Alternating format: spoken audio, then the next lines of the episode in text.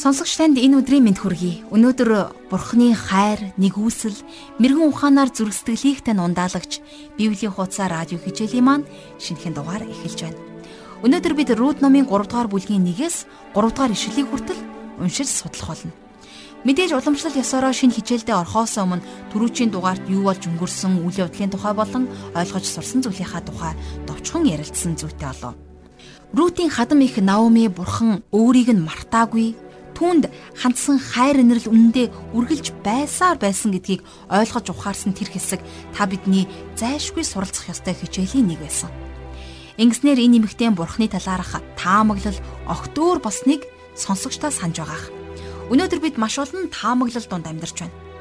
Магадгүй танд яг одоо юунд ч юм бэ сэтгэл алдарч зөвхөн өөрөө өөртөө дэвшүүлсэн мэт олон янзын таамаглал донд нэг бол үгүйсгэж Үгүй бол аялдан дагах гих зэргээр сэтгэл санаат нэг л доктортой бишүүж болох юм.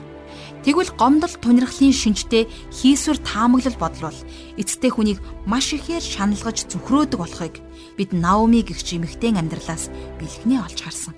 Тэгэхээр эндээс бид ам амьдралыг биелэгч бурхан эцэг маань хизээж биднээс хайр инэрлээ татаж авдаггүй болохыг ойлгож суралцсан. Энэ үнэхээр онцгой хэсэг байсан.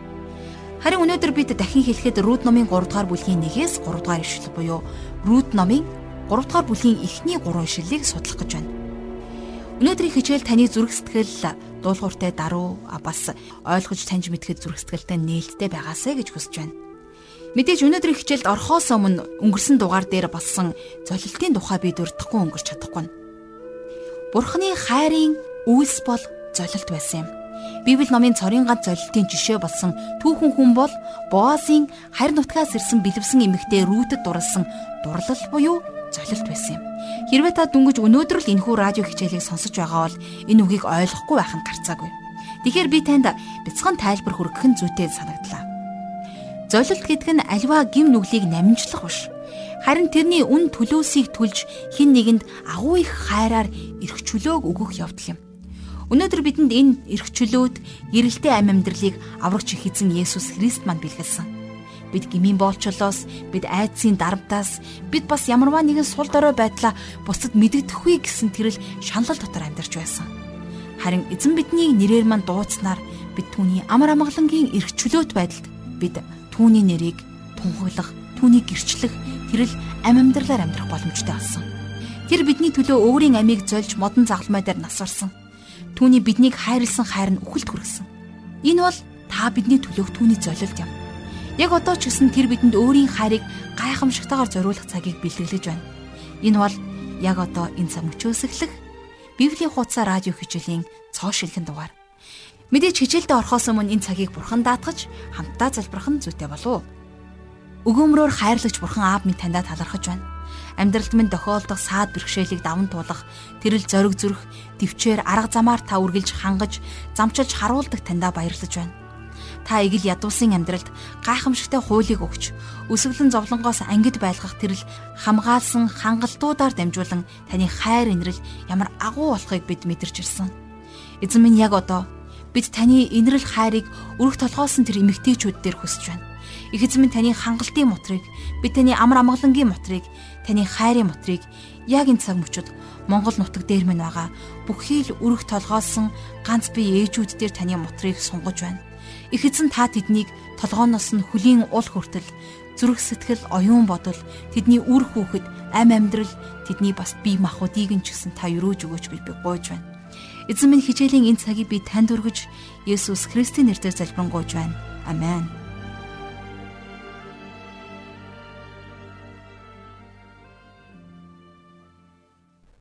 За Рут номын хайр дурлалын үйл явдлууд үргэлжилсээр байгаа.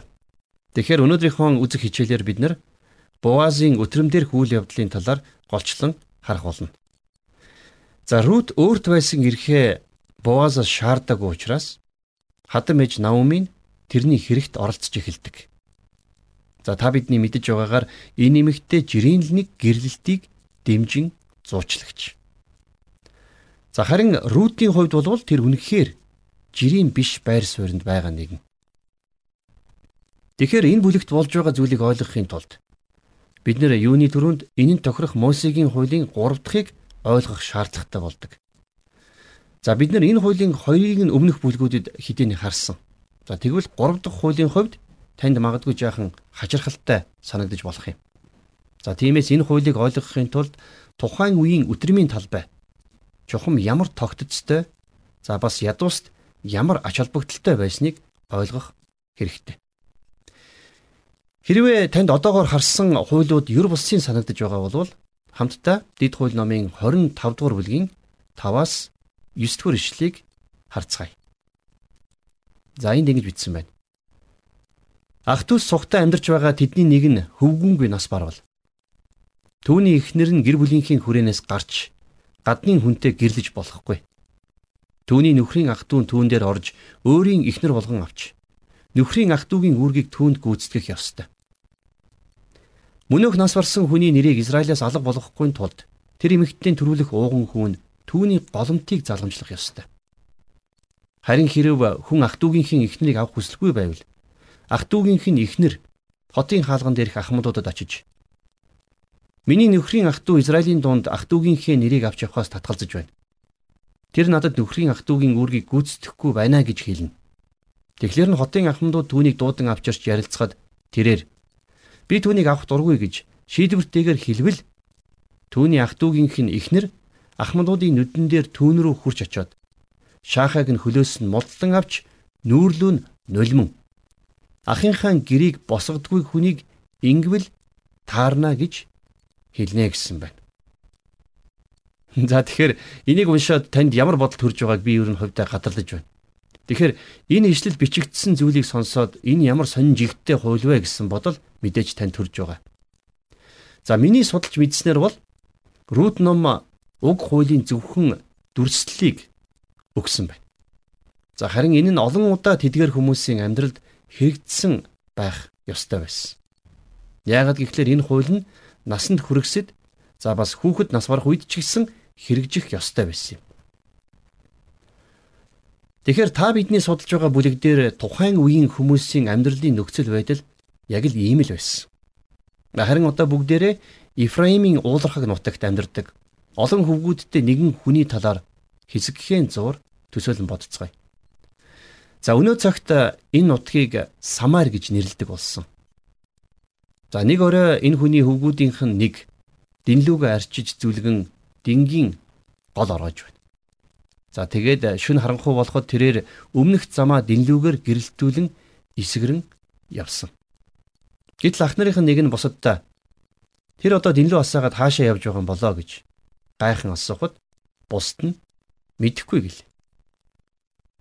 Тэр үдэш харанхуй болсон хойно тэрнийг амандаа ямарваа нэгэн дуу эсгэрсээр замаар хэрж явахыг сонссон. Харин залуу хүү ах нартаа энэ тухайга нэг ч үг цохиулгасангүй. А тэд нар ч гэсэн тэрнийг хаачаад ирв гэж асуусангүй. Гэхдээ л тэд нар гайхаж учрыг нь мэдэх хүсэлд автаж байлаа. За ингээд хоёр дахь шүн дахиад л өмнөх шүнтэй адилхан үйл явдал болсон. Харин энэ удаа бол ах нар нь ууралсан байна. За тэгээд тэд нар хүүд дараагийн өдөр нь хид хідэн шаардлагыг тавьсан. Харин 3 дахь шөнө хүү гарч яваад буцаж ирдэг. За мэдээж ах нар нь тэрнийг унталгүй хүлээж байсан. Тэгээд тэд нар тэрнээс чи юу н хаашаа яваад хаана байж байгаад ирсэн юм бэ гэж асуухад дүүн өө би зүгээр л замаар алхаад ирлээ гэж хариулсан байна.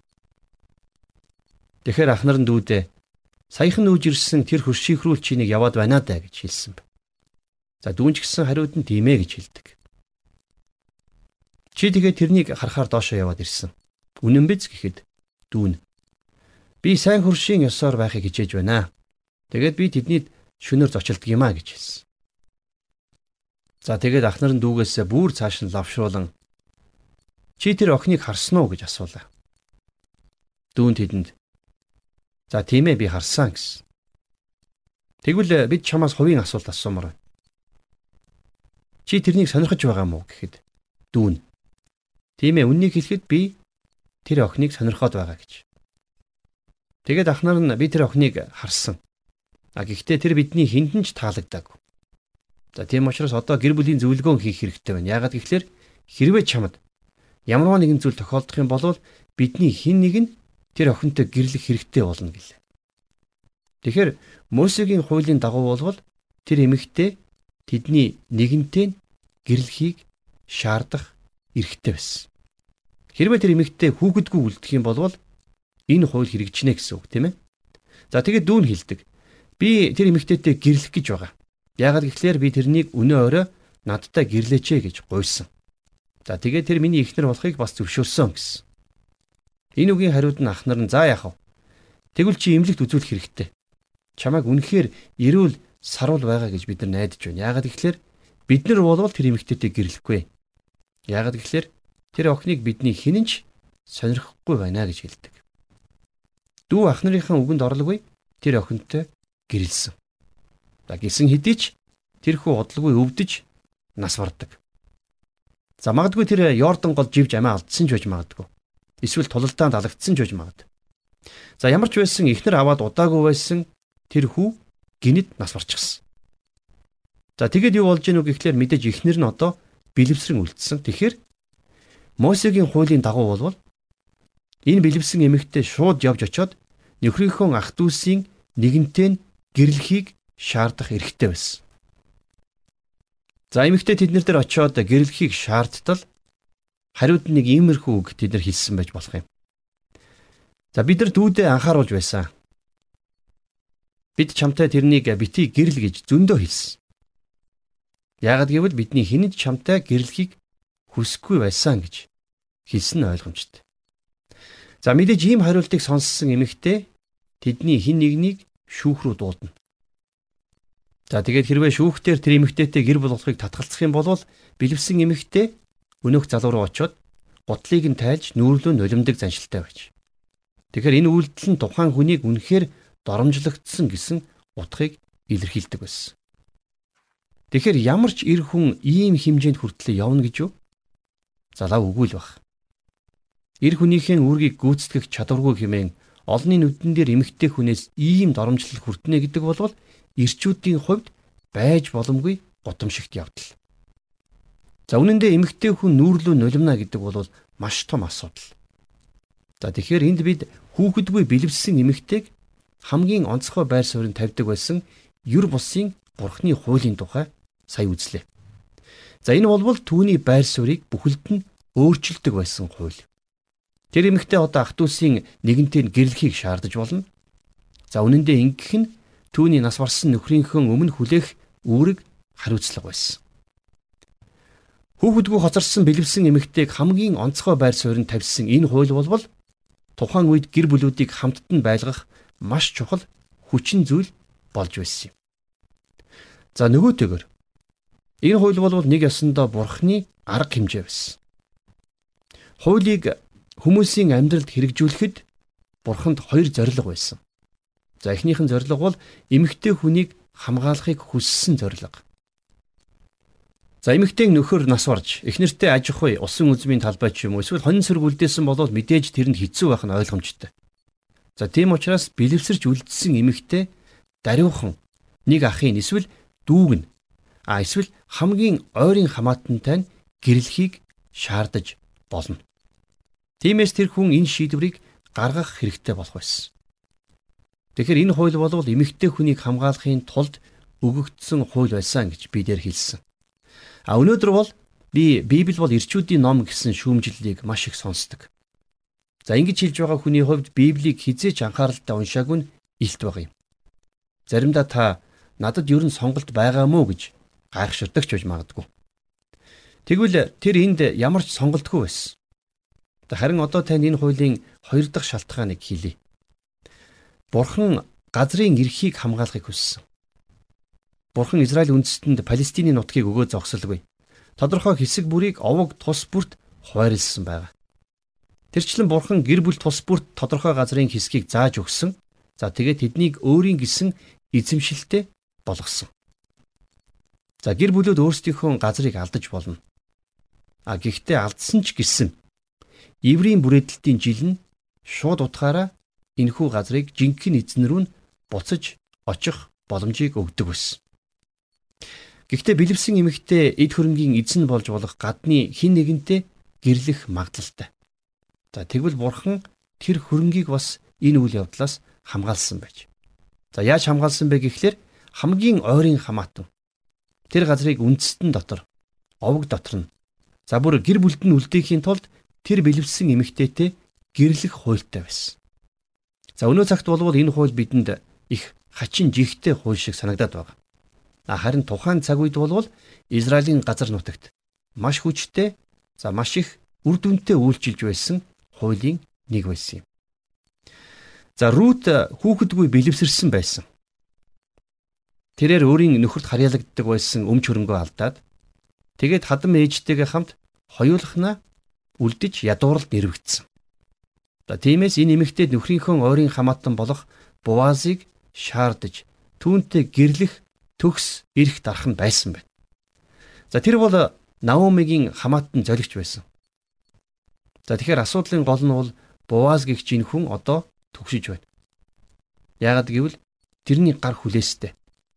Рутийг өөрийн эхнэр болгохоор шаардаж чадахгүй байгааг бид нар харах болно.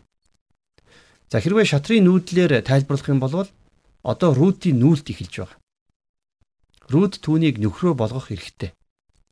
А гэхдээ удахгүй бид нар энэ нэмэгтэйг Буазаас өөр илүү ойр дотны хамаатантай байсан болохыг олж мэдэх болно. За хэрвээ хүсэх юм бол Рут тэрнийг ч шаардаж болно. Харин Боаз энэ эмэгтэй хэнийг нь шаардахыг мэдэхгүй. Тийм болохоор Боаз Рутийг хөдлөх хүртэл хүлээх ёстой байсан. А гэхдээ хэр удаан хүлээхийг бол тэр бас л мэдэхгүй. Ингээд Рутийг хөдлөхгүй удсанд Наоми тэрэнд чи энэ хүнд өөрийг нь хамаатан золигчоор хүсэж байгаагаа мэдүүл гэж хэлдэг. Тэгэхээр одоо нэгэн хачирхалтай үйл явдал гарах гэж байна. За энийг ойлгохын тулд ба штэ. Тухайн үеийн үр тариа цайруулах өдрмийг бас ойлгох шаардлагатай болно. За таны харж байгаачлан Бурхан эдгэр хүмүүс зориулан нэгэн гайхалтай хангалтыг өгсөн. Тэд нар хөдөө аж ахуйн хүмүүс байсан болохоор хуулийн ихэнх хэсэг газартай. За тухайлах юм бол газар тариалантай хамаатай байсан. Тэгэхээр Мосегийн тогтолцоо бол зөвхөн Израилийн ард түмний төлөөч байгаагүй. Мөн газар нутгийнхын төлөө байсан. За энэ нь өнөөдөр хүн бүрийн Палестин гэж сайн мэддэг тэр нутагт маш онцгой байдлаар зохицуулагдсан өгөгдсөн хууль байсан. Тийм болохоор энд тэр үеийн өтрөмтэй хамаатай нэгэн хуулийг сөхөж харах хэрэгтэй болдог. За заншил ёсоор өтрөм нь толгодын орой дээр байдаг байсан. За толгодын орой дээр өтрөм байгуулдаг шалтгаан болвол хаягдлыг хийсгэхийн тулд үлээх салхийг ашиглахын тулд байсан. За тэгэхээр энэ толгодын хормоод байрлах усан үзмийн шахуургаас эсрэг байрлалд байх ёстой. Яагаад гэвэл усан үзмийг дээш нь чирснээс доошоо зөөх нь илүү хялбар байдаг шүү дээ. За Гидеон усан үзмийн шахуургын дэргэд царайгаа цариулж байсныг та санаж байгаа бах тийм ээ. Учир нь тэр ядууруулж байсан медианчуудаас нуугдаж толгодын хормойд тийхүү тариага арайхийн цариулж байсан. А гэтэл гинэд тэрэнд эзний тэнгэрж үзэгддэг. Та бүтээгч бурханд ямар ч хошин шогийн мэдрэмж байхгүй гэж надтай битгий маргалдаарай. Бурхан бол үнэхээр хошин шогийн мэдрэмжтэй. За тиймээс тэр аймхаа хулчхар Гидеонд ирэмгий дайчин минь гэж дуудсан. За бид нар Гидеоныг ямар хүн бэ гэдгийг өмнөх хичээлээсээ илүү сайн мэддэг болсон шүү дээ. Тэр медианчуудаас үхтлээ айж толгодын хормойд усан үзмийн шахуурган дотор тариага цайруулж байсан.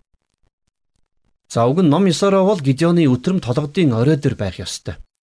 А гэтэл салхи үлээхгүй намдор газар тариага хийдими агаарт цацсан гутарч суулсан энэ хүнийг та дотроо хидийнэ төсөөлж харсан байхаа. Тарай хальс хоёр хоёулаа тэрний хүзүүрүү буцаж буун ирж байсан. Тэр үед Гидеоныг би үнэхээр урамгүй байсан байхаа гэж боддог. Гэтэл гинэд эзний тэнгэр илж түүнд үзэгдэн ирэмгий дайчин минь гэж дуудсан. Өнөөдөр биднэрт Гидеоны энэ ялалт маш их урам зориг өгсөөр байна. Хэдийгээр Рутийн түүх мөн шүүгчдийн эртний үед болсон ч гэсэн энэ нь Израильчууд эзэн рүү эргэсэн үе байсан. За Библиэлд Наоми Моабд байхдаа үлсгэлэн зогссон гэдгийг сонссон гэж бичсэн байдаг.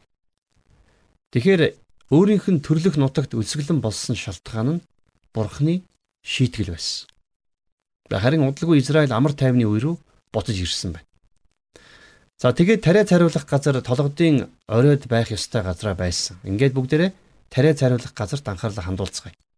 За тариа цариулах газар болвол шаварлаг хөрсийг хатуу гадар гуулгаж. За эргэн тойрныг нь дугуй хэлбэр оруулж хад чулуугаар зассан тийм талбай байсан. За ингээд үр тариагаа хадаж дууссныхаа дараагаар өдрөм рүү аваачна. Ингээд үдээс хойш сэвшээ салхи хүлээж эхэлнэ. Энэ нь нар жаргах хүртэл заримдаа шүн дунд хүртэл үргэлжилнэ гэсэн. За энэ сэвшээ салхи хүлээх хугацаанд тэд нэр тариагаа цариулна. Эхлээд буудал тариаг өдрмийн талбайд тарааж тавиад за тэгээд анжис хөдөлсөн сарлгуудаар гიშгчүүлдэг. За дараа нь хүмүүс шигшүүр аваад тариагаа агаарт шигшгэд сайн үр өдрмийн талбайд доошоо унана. За ингээд салхи хүлээж байгаа учраас тэд нар өдрөмдөө ажилласаар л байх болно. Харин салхи намжмагц тэд нар ажлаа дуусгаад найр хийдэг байсан. Ингиж наргид цэнгэх нь нар жаргах үеэр За магадгүй 9 цагт эсвэл шүн дунд хэдэн цаг болж байсан ч хамаагүй. Тэгэхээр жилийн ургацын яг энэ үйлрэлд гэр бүлүүд тал талаас цуглаж өтрмийн эргэн тойронд буудалдаг байж. Тэгэхээр маш олон хүн тэнд цуглардаг байсан гэсэн үг. За харин найр дууссаны дараагаар ирчүүд тарианы эргэн тойронд унтаадаг. Өтрөм тойр хэлбэртэй байсан болохоор тэд нэр толгоогоо тариа руу харуулад хөлөө гадагш харуулan унтдаг байж. Тэд нэр ийм байдлаар унтах нь хулгайчдаас тариагаа хамгаалахад тустай байсан байна. За энэ нь ариун ургацын төлөө бурханд талархах найр баяр цэнгэлийн цаг байсан. Тэгэхээр Израилийн баярууд анхны ургацын баяр за бас Пентекост хүртэл тэр өтрмээр тодорхойлогддог байсан байна. Тэд нэр элбэг ургацын төлөө бурханд магтаалын дуунуудыг өргөдөг. Тэгэхээр би тэднийг шүн толгодын орой дээр Тэнгэр өөд харан Магдалины олон олон дууг дуулж байсан байхаа гэж дотроо төсөөлдөг. Тэгэхээр дуулал номын олон дууллууд яг л энэ найртай хамаатай байсныг бид нэр анзаарч болно. За ингээд хамтдаа Рут номын 3 дугаар бүлгийг дэлгэцгээе. 3 дугаар бүлгийн 1 дугаар ишлэл. Хадам их Наумын түүнд охин минь би чамд амрах газар болж чамайг сайн сайхан байлгах ёстой биш үү? Ургацын улирлын турш Наоми орой бүр цонхоор Рут Боаз нарыг Бэтлехэм рүү ирж байгааг хардаг байж. За магадгүй 6 7 хоногийн турш Боазын ажилчид талбайгаас арваа болоод буудаг хураадаг байсан үе. Тэгэхээр Наоми Рутыг маш даруй байгааг. За энэ хүнийг шаардах талаар юу ч хийхгүй байгааг анзаарсан байна. Түүнчлэн Боазыг өөрийн бэрт дурлсан байгааг бас ажигласан байна. За тийм учраас Наоми Рутээс түүний төлөө амрах газрыг хайх ёстой юу гэж асууж байна. За амралт гэдэг бол мэдээж гэрлэлтийг хэлж байна. Тэгэхээр Наоми би чиний төлөө гэрлэлтийг зохион байгуулж өгөх үү гэсэн утгатай асуултыг Рутээс асуудаг. За Рут номын эхний бүлэг дээр Наоми өөрийнхөө бэрүүдэд хандаж Моабын нутагт үлдээрэй гэж ятгаж байсныг та санаж байгаа бах тийм ээ. Тэгэхээр учир нь тэр тэднийг нөхрүүдийнхээ герт амралтыг олоосэй гэж хүсэж байсан. Тэгэхээр амралтыг олно гэдэг нь бол Моабын нутагт тэднийг өөр хүмүүстэй гэрлээсэ гэж хүссэн баг. За цааш нь үргэлжлүүлэн 2 дугаар ишлэгийг харъя. Чиний шивгчдийнх нь хамт байсан Буаз манай хамаатан биш үү? Өнөө өрөө тэр хүн өтрөмд арваа шигшин. За тэгэхээр Наоми бэрдэ. Буаз бол манай хамаатан золигч гэж хэлж байна. За тиймээс Рүтэд чи Буазыг шаардах эрхтэй. Тэгэхээр үнэндээ охин минь чи тэрнийг өөрийн хамаатан золигч болгон шаардах ёстой. Би чамайг өнөө өрөө өтрөм рүү очиод тэрэнд энийг хилээсэ гэж хүсэж байна гэж зөвлөсөн байна. За цааш нь үргэлжлүүлэн 3 дугаар эшлэл дээр тиймээс чи биеэ угаан тослоод хамгийн гой хувцас өмсөн өтрөм рүү оч. Гэвч тэр хүнийг идэж ууж дуустал өөрийгөө түүнд бүү таниул. Наоми бэрдэ. Бие бэлтгэж хамгийн гоё сайхан хувцасаа өмсөд өтрөм рүү оч найр дуусах хүртэл өөрийгөө таниулахгүйгээр хүлээх хэрэгтэй гэж зөвлөж байна. За тэгээд цааш нь Рут одоо энэ хүнийг хамаатан золигч болгон шаардах нь чиний хэрэг гэж хэлдэг. За Рутийн хувьд үнэндээ Боазыг хамаатан золигч болгон шаардах талаар юу ч хийгээгүй байсан. Тиймээс одоо Наоми тэрэнд маш тодорхой хідэн зааварчилгаа өгөх гэж байна. За тэрээр бэрдээ дөрвөн зүйл хийхийг зөвлөдөг. Тэгэхээр би эндээс үргэлж Есүс Христ рүү ирэх гим нүгэлтний дүр зургийг олж харддаг юм. Наумигийн бэрдэ зааварчилсан дөрвөн алхам болвол гим нүгэлтэн бидний хувьд маш чухал ач холбогдолтой зөвлөмжүүд. За эхнийх нь өөрийгөө угаа гэсэн. Хэрвээ та биднэр Христ рүү очих гэж байгаа бол өөрийгөө угаах хэрэгтэй. За Тит номон дээр тэр биднийг зөвхт байдлын дотор хийсэн үйлсээр минь бус. Харин өөрийнхөө өршөөлийн дагуу шинтгэлийн угаал ба ариун сүнсний сэргээлтээр аварсан юма гэж 3 дугаар бүлгийн 5 дугаар ишлэлдэр нь бичсэн байх юм. За энэ нь Есүс Христ нэгэн цагт Никодем гэгч хүнд хийх ёстой зүйлийг нь тайлбарлсан энэ зүйлийн учир шалтгаан байгаа. Тэгэхээр Никодем Есүс хэлэхдээ чи дээрээс төрөх ёстой гэж хэлсэн байна. Хэрвээ та Бурхны хүсэлд нийцэхээр явж байгаа бол дахин төрөх ёстой. Та шин төрөлтийг мэдрэх ёстой. Тэгэхээр хин нэгэн хүн Джон Веслигээс яагаад дандаа дахин төрөх ёстой гэж номлодгийг нь асуусан гинэ. Тэр би танд хэлье. Миний тэгж номлодгийн учир нь та дахин төрөх ёстой болохоор юм а гэж хариулсан байна. Үнэхээр тийм. Тэгэхээр дахин төрнө гэдэг бол биш үү? Есүс Христ дотор шинээр мэдлэнэ гэсэн үг. Хэрвээ та Есүс Христ дотор шинэ бүтээл болохгүй бол хизээч Тэнгэр рүү очиж чадахгүй. За бас авралыг олж чадахгүй байх нь. Та бид нар ариун сүнсээр хөтлөгдөн дахин төрөхгүй л бол Тэнгэрт тохирохгүй. За тийм учраас Наоми бэрдээ хандаж чи талбай дээр шаргуу ажилласан. Тийм болохоор одоо өөрийгөө угаа гэж хэлсэн. За энэ бол Рутийн хийх ёстой ихний алхам байсан. За Наомигийн Рутэд хандаж хэлсэн хоёр дахь зүйл бол өөрийгөө тослох. За Рутийг би ихний нөхрөө нас барсны дараагаар бэлэвсэн эмэгтэй гашуудлын хувцсыг өмссөн байхаа гэж таамаглаж байна. Яагад гэвэл тэр өөрийгөө сэтгэл татан болгох оролдлого огтхонч хийх ёсгүй байсан. Харин одоо Наоми хин нэгэн Рутийг сонирхож байгааг ойлгоод нандингнэж хадгалсан жижиг савтай үнэртэнгээсээ тэрнийг харамгүй хэрэглээрэ гэж хэлж байна. За тиймээс Наоми өөрийгөө тосол гэж тэрэнд хэлсэн. За өнөөдөр болвол энэ бидний Христ итгэлийн амьдралтай яг тохирдог. Учир нь юу вэ гэвэл Бурхны хүүхдүүд болох үед бид нар нялх балчир байгаа гэдгээ баталж байдаг. А гэхдээ энэ нь биднийг Тэнгэрлэг үннийг ойлгож чадах бүрэн дүүрэн өссөн байр суурлуу аваачдаг юм. Тэгэхээр итгэгч хүнд байх тослогооны талаар Йохан бидэнд хэлэхдээ харин та нар ариун нэгнээр тослогдсон бөгөөд бүхнийг мэднэ гэж өөрийнхөө бичсэн анх дугаар загтлын 2 дугаар бүлгийн 20 дугаар ишлэлдэр тэмдэглэсэн байна. Тэгэхээр та бид нар ариун сүнсний тослогоотой хүмүүс. Тэр бол бидэнд бүх үннийг зааж чадах Бурхны сүнс. Тийм учраас итгэгч хүн бүрт Бурхны сүнсний хичээл зайлшгүй хэрэгтэй. Гагцхүү ариун сүнсэл биднийг Бурхны үгийг ойлгох чадвартай болгодог. Бурхны сүнс та бидэнд заадаг. Тэр бол харин өнөөдөр орхигдсон зүйлсийн нэг болоод байгаа. Библи Бурхнаар бичигдсэн гэдгийг мэдэх нь өнөөдөр маш чухал байдаг. Тэгээд зөвхөн Бурхны сүнсэл бидэнд сүнслэг үннийг заах боломжтой. Илч Паул Коринтотынд бичсэн 1-р загтлынхаа 2-р бүлгийн 9-с 10-р эшлэлдэр Гэвч нүдэнд үзэгдээгүй чихэнд сонсогдоогүй. Хүний санаанд ороогүй юмсыг Бурхан өөрийг нь хайрладаг хүмүүст бэлджээ. Гэвч Бурхан үнийг сүнсээр бидэнд илчилсэн юмаа гэж бичсэн байна. За эндээс харах юм бол Бурханы сүнс та бидэнд зааж, зааварлаж, за бас бүх үнэн рүү удирдан чиглүүлэх хүч чадалтай.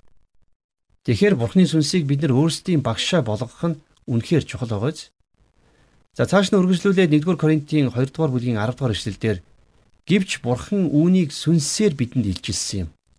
Учир нь сүнс бүх зүйлийг тэр байтугай бурханы гүн юмсыг ч гисэн нэвтэлтийг ажгуу гэж нэмж бичсэн байна. Тэгэхээр та бид нар Есүс Христийн дотор дахин төрөхдөө бурханы сүнсний тослогоог авдгаа гэдгээ ухаарах ёстой. За би энэ талаар дахин нэг ишлэгийг энд иш татмаар байна. За Иохны 1-р захидлын 2-ын 27 дугаар ишлэлдэр Та нарын түүнээс авсан тослогоо нь та нарын дотор байдаг бөгөөд өөрсдөд чинь заах хэн нэгэн та нарт хэрэггүй. Харин түүний тослогоо нь та нарт бүхнийг заадаг бөгөөд тэрхүү тослогоо нь худал биш. Үнэн. Та нарт заасан ёсоор та нар түүний дотор байх туу гэж бичсэн байна. Тэгэхээр энэ нь танд хин нэгэн хүнээр заалгах хэрэггүй гэсэн үг биш шүү. Харин та бид нар өнөөдөр өнгөрсөн хугацаанд Бурхны сүнсээр заалгасан хүмүүсийн үр ашгийг хүртэгчд юм шүү дээ. Тиймээс Бурхан өнөөдөр сүм чуулгануудад багш нарыг өгдөг. А гэхдээ Бурхны сүнс таны багш болохгүй бол тэдгээр багш нар тэдний хичээлүүд таныг гэгэрүүлэх боломжгүй. За ийм учраас Рутийн хийх ёстой байсан хоёр дахь алхам маш чухал байсан юм. Тэр хадам их Наомигийн хэлсний дагуу өөрийгөө угааж дараа нь тослох ёстой байсан. За харин гурав дахь чухал алхам болвол хамгийн гоё хувцас өмсөх. За би энэ талаар төсөөж боддөг юм. Наоми Рутэд хандаж чи хүүтэй хамт гарахтаа өмсдөг байсан тэр даашин за санаж байна уу? Чамд маш гоё зөгтөг байсан. Тэгэхээр чамайг гашуудлын энэ хар хувцастай байхад Боас чамд дурлсан бол чамайг тэр даашинцтай байхыг харавал юу болох вэ? Тиймээс чи тэр даашинцыг одоо өмс. Чи тэрнийг дахиад хизээч өмсөхгүйгээд далд хийсэн байсан гэж хэлсэн байхаа гэж би тааж байна. За энэ бол итгэгч хүний хийх гурав дахь алхам. Та бид нар Есүс Христ рүү ирж түүнийг аврагчаа гэж хүлээн авах яг тэр үед бидэнд тэр бидний зөвхт байдал болдгоо гэж Библиэлд бичсэн байдаг. Есүс бидний гмийг үүрч за бас өөрийн дотор дахин төрүүлж Бурхны хүүхдүүд болгоо зогсоогүй өөрийнхөө зөвхт байдлыг бидэнд өмсгсөн. За Ром хотын бичсэн загтлын 3-ын 22 дугаар ишлэл дээр Илж Паул ингэж бичсэн байна. Есүс Христэд итгэх итгэлээр Бурхны зөв нь итгэгч бүх хүнд байна. Ялгуурлал байхгүй гэж. Гайхалтай дүрслэл байгааз. Тэгэхээр Илж Паул юу гэж хэлж гэнэ үү гэхлээр гим нүгэлтэй хүн Есүс рүү ирж өөрийг нь хучих зөвтгөлийн хувцсыг түүнээс хүлээж авах боломжтой гэж хэлж байна. Ингэснээр Бурхан та биднийг Христийн гадна биш харин дотор нь байгааг олж хардаг. Есүсийн зөвхт байдал бидний зөвхт байдал болж бид нэр Есүсийн дотор бүрэн дүүрэн болдог. За энэ бол өнөөдөр бидэнд байдаг зөвхт байдлын хувцас. Энэ зөвхт байдлын хувцас бол бидний эзэн Есүс Христ. Есүс өөрт нь итгэсэн гим нүгэлтэнд өмсөгдөг зөвхт байдлын хувцас.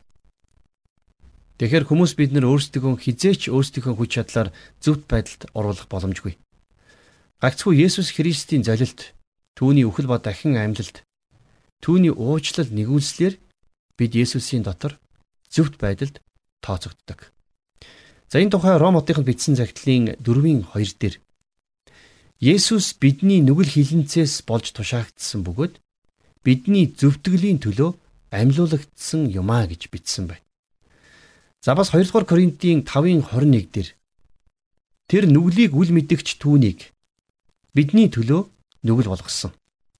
Тэгснэр бид түүний дотор Бурхны хүртээх зөвхт байдал болох юмаа гэж Илж Паул бичсэн байна. Тэгэхээр Есүс Христ та бидний төлөө бидний гим нүглийг үүрч загламайд нас барсан. За тийм учраас өнөөдөр та түүний дотор Бурхны хүртээх зөвхт байдлын хувцсаар хувцалсан гэсэн үг. Учир нь яагаад үгүй вэ? Энэ дэлхий дээрх үнэхээр романтик түүхтэй тэр гайхамшигтай хувцас бол Есүс Христ их байгаа юм. Тэгэхээр бид жирийн бус байр суурьнд байгаа рүүдийн нөхцөл байдалд Бурхны хачирхалтай хууль хэрхэн тохирч хэрэгжиж байгаа талаар нэлээд гүнзгий судаллаа. Мөсегийн 3 дахь хуулийг эхлээд ойлгоход жаахан хэцүү байсан боловч жаргал агшийн гайхалтай тайлбар мөн харьцуултаас энэ эмгтээчүүдийн төдийгүй бас биднийг хайрлсан үнэхээр чухал хууль болохыг олж таньж мэдлээ. Энэ хуулийг ойлгуулахын тулд тухайн үеийн өтөрмийн талбайн онцлог а бас тогтцын талаар авч үзсэн нь маш сонирхолтой зөв санаа байсан гэдгийг хэлэх хэрэгтэй. Энд л бид хүүхэдгүй бэлэвсэн эмэгтэйн хамгийн онцгой байр суурь тавьсан Бурхны юр бусын хууль байгааг олж харсан. Энэ хууль бол тухайн үед гэр бүлүүдийг хамттан байлгах чухал хүчин зүйл болж байсан гэдгийг сонсоод Бурхан эрт цагаас л эмэгтэйчүүд бидний эрхийн төлөө санаа тавьж хамгаалж ирсэнд би илүү ихээр талархлаа. Хуулийг хүмүүсийн амьдралд хэрэгжүүлэхэд түүнд хоёр зорилго байсных нь эхнийх нь эмэгтэй хүн, харин нөгөөх нь газрын эрхийг хамгаалах тухай байсан. Тэгвэл түүний мэрэгэн хуулиуд игэл ядуусын амьдралд гайхамшигтай энэрэнгүй зохицуулт байсан гэдг нь үнэхээр агуу санагдлаа. Тэгэхээр энэ удаагийн хичээлээр бид Мөсегийн тогтолцоон зөвхөн Израилийн ард түмний төлөө байгаагүй. Мөн газар нутгийн төлөө байсан гэдгийг тод харж ойлголоо. Түүнчлэн Христ итгэгчид бид ариун сүнсний тослогоотой хүмүүс. Энэ дэлхийн бүх үннийг бидэнд зааж чадах Бурхны ариун сүнсний хичээл заашгүй хэрэгтэй талаар суралцсан. Тэр бол бидний Бурхны үгийг ойлгож чадах дэлхий дээрх цорын ганц арга зам юм. Зөвхөн тэр л та бидэнд сүнслэг зүйлсийг зааж, сургаж, мөн илчилж харуулах болно. Ингээд энэ хүрээд өндөрлөж байна. Харин та сурсан зүйлээ амьдралдаа заавал хэрэгжүүлээрэй. Өдөр бүр бидэнтэй хамт үйж хайр инэрлээ харамгүй өгдөг Бурхан Аав минь таньда баярлалаа.